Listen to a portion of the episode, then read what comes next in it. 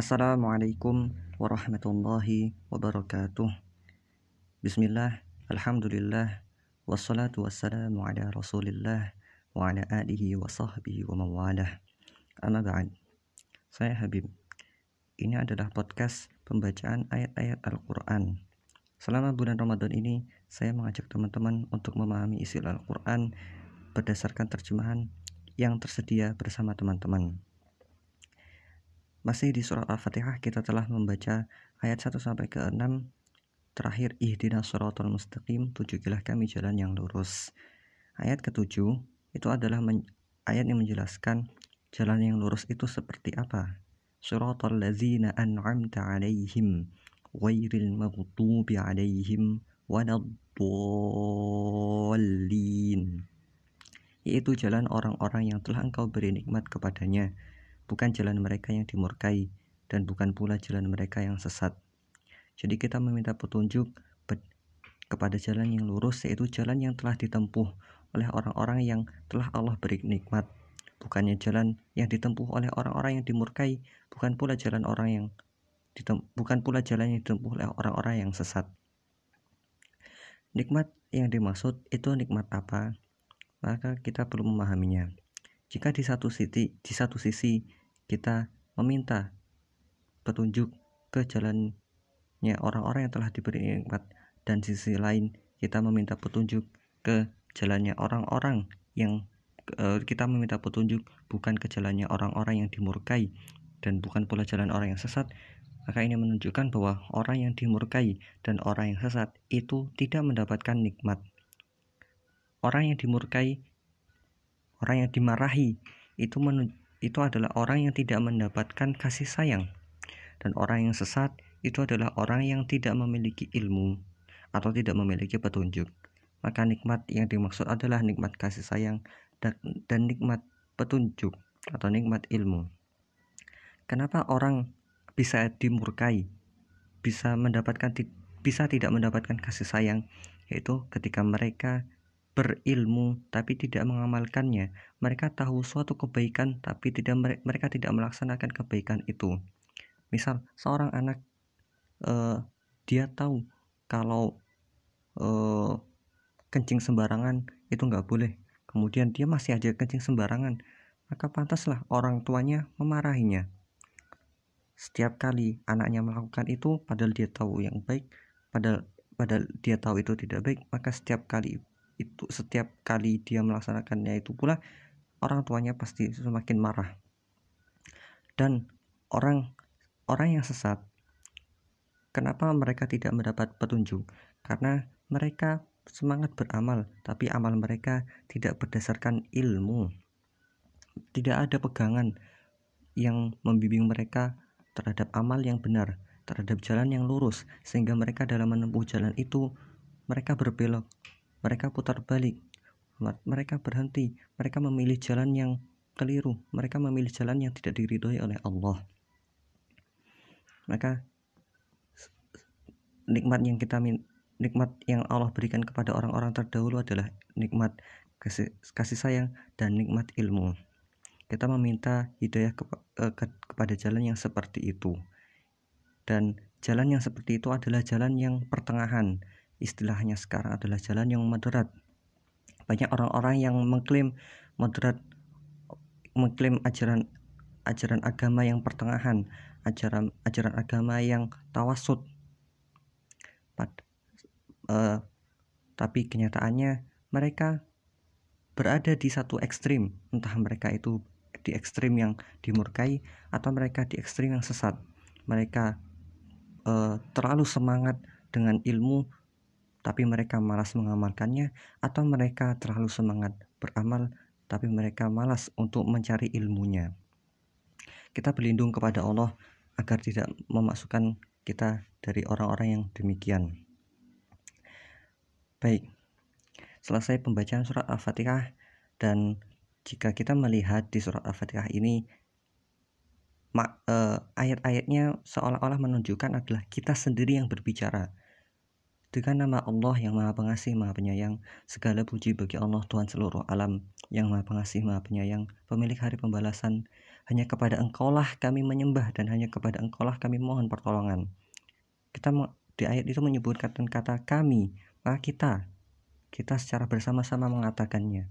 Ayat ini menunjuk surat ini menunjukkan bahwa kita yang berbicara kepada Allah. Surat ini adalah surat doa atau namanya adalah surat as-solah sebagaimana disebutkan dalam hadis qasam sholah bayini wa bayina abdi nisfain aku membagi as-solah yaitu doa yang dimaksud adalah surat al-fatihah ini antara aku dan hambaku separuh-separuh, separuh untukku yaitu untuk Allah dan separuh untuk hambaku. Dan yang kita minta di surat ini adalah petunjuk. Jawaban atas permintaan kita ini adalah seluruh isi Al-Quran dari surat Al-Baqarah sampai surat An-Nas itu semua adalah petunjuk dan itu maka itu semua adalah jawaban bagi permintaan kita di surat Al-Fatihah ini. Setiap kali kita membaca Al-Qur'an, kita membaca surat-suratnya, kita perlu tahu bahwa itu adalah jawaban atas permintaan kita kepada Allah, kita permintaan petunjuk yang kita sampaikan kepada Allah di surat Al-Fatihah.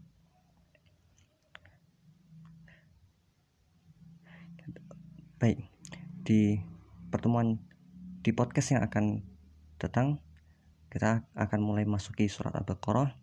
Sebelum mulai surat memasuki surat Al-Baqarah, mungkin perlu saya singgung sedikit mengenai metode yang saya pakai dalam memahami Al-Qur'an.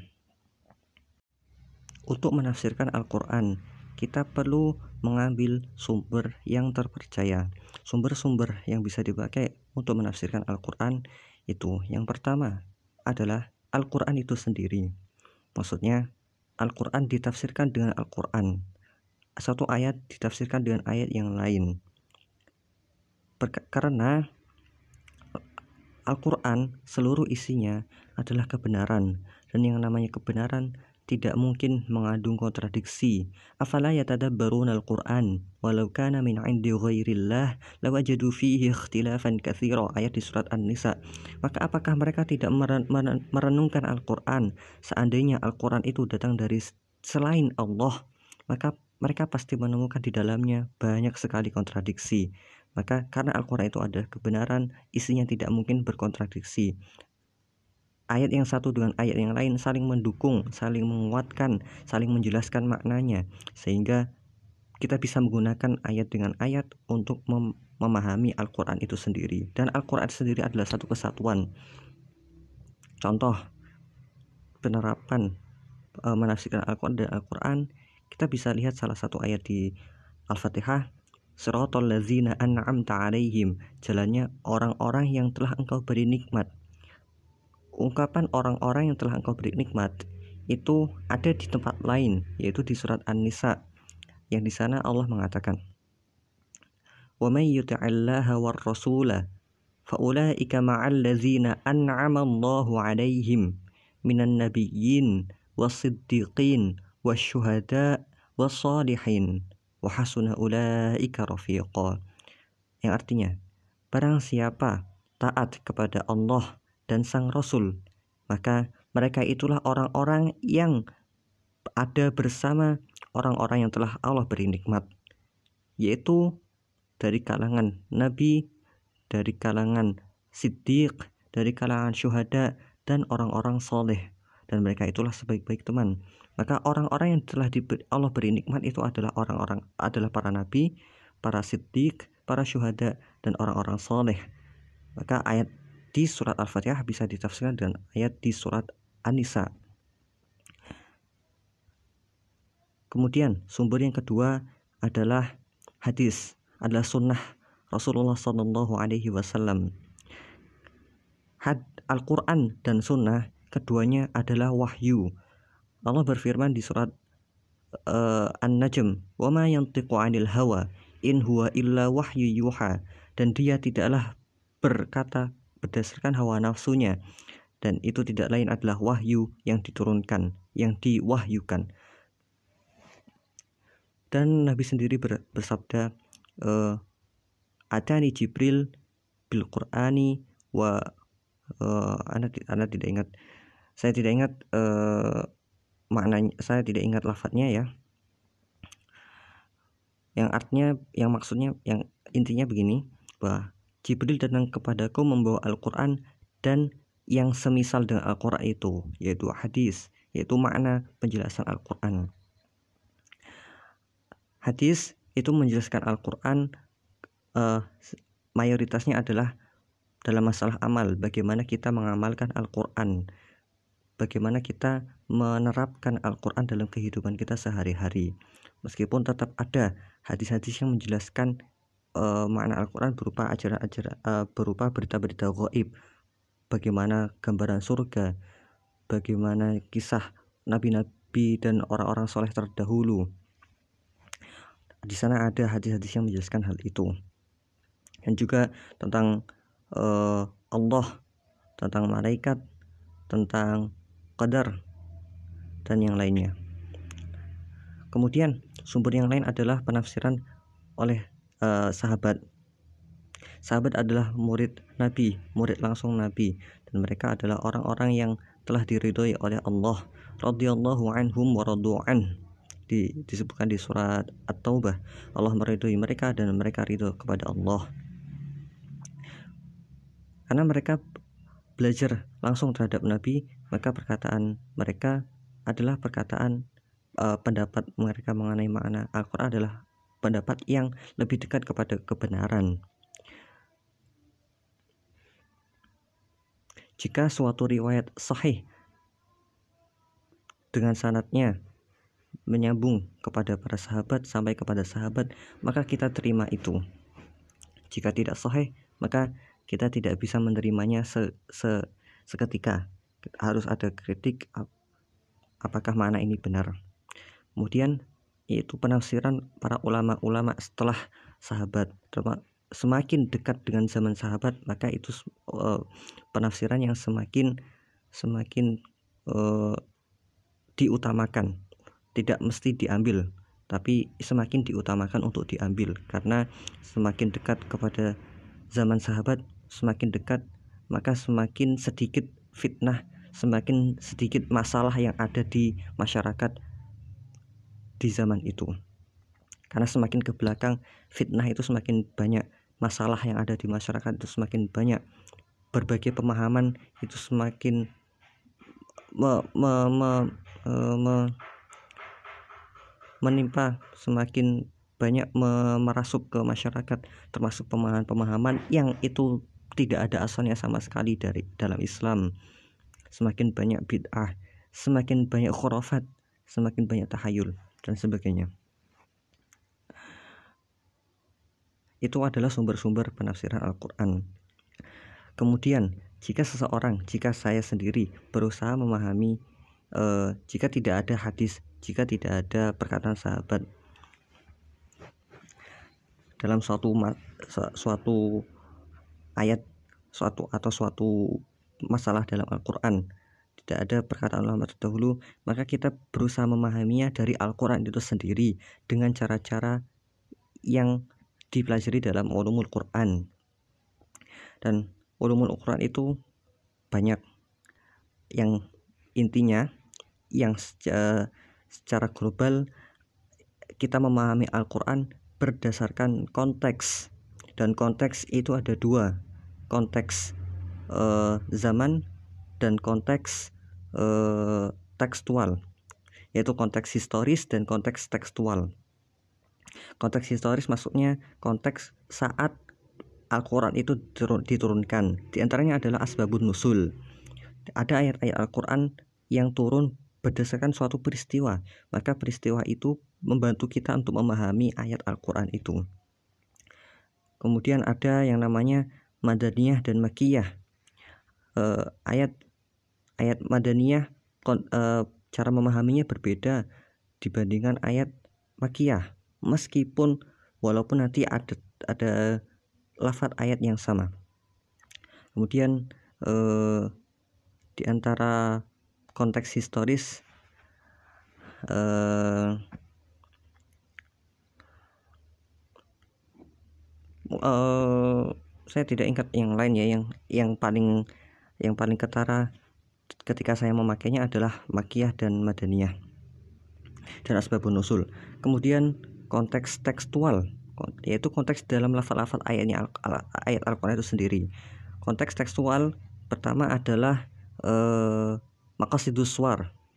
Ini ini adalah ilmu yang berkembang belakangan ini, yang banyak berkembang belakangan ini yaitu tujuan surat, tujuan suatu surat sehingga kita memahami Al-Qur'an berdasarkan eh, pesan utama atau istilah kita di bahasa ini ada ada ada namanya gagasan pokok.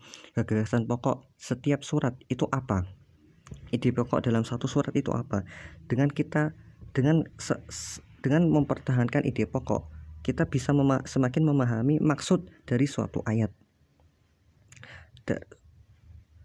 Kemudian ada yang kita juga menggunakan e, bahasa Al bahasa Arab, bahasa Arab yang ada di zaman Nabi lisanul Arab.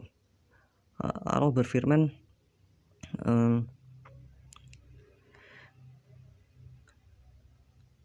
Alif Lam Tilka ayatul kitabil mubin. Natlu alaika min uh, bukan uh, surat Yusuf ya uh, saya lupa ayatnya bagaimana disebut di situ disebutkan Qur'anan Arabiyan la'allakum taqilun yaitu Quran yang berbahasa Arab agar kalian bisa ber, bisa memikirkannya. La'allakum taqilun. Yaitu Al-Quran diturunkan dengan bahasa Arab dan bahasa Arab yang dipakai adalah bahasa Arab di zaman Nabi bukan bahasa Arab di zaman sekarang karena ada perbedaan kalau kita memahami Al-Quran dengan bahasa Arab di zaman sekarang pasti akan terjatuh pada kesalahan jika bahasa Arab yang sekarang itu berbeda dari di zaman Nabi. Contohnya adalah di surat Yusuf ketika di sana dikisahkan kehidupan Nabi Yusuf. Nabi Yusuf itu adalah nabi yang zamannya sebelum zaman Nabi Musa, jauh sebelum Nabi Musa. Sementara Nabi Musa sendiri hidup setidaknya 1400 tahun sebelum Masehi. Dan Nabi Yusuf sebelum itu. Disebutkan di surat Yusuf wajahat sayyarotun wajahat sayyarotun kata sayyarotun kalau di bahasa sekarang itu artinya mobil. Dan datang mobil ini adalah pemahaman yang keliru. Ini saya sebutkan sebagai contoh yang silly ya contoh yang konyol contoh yang jauh.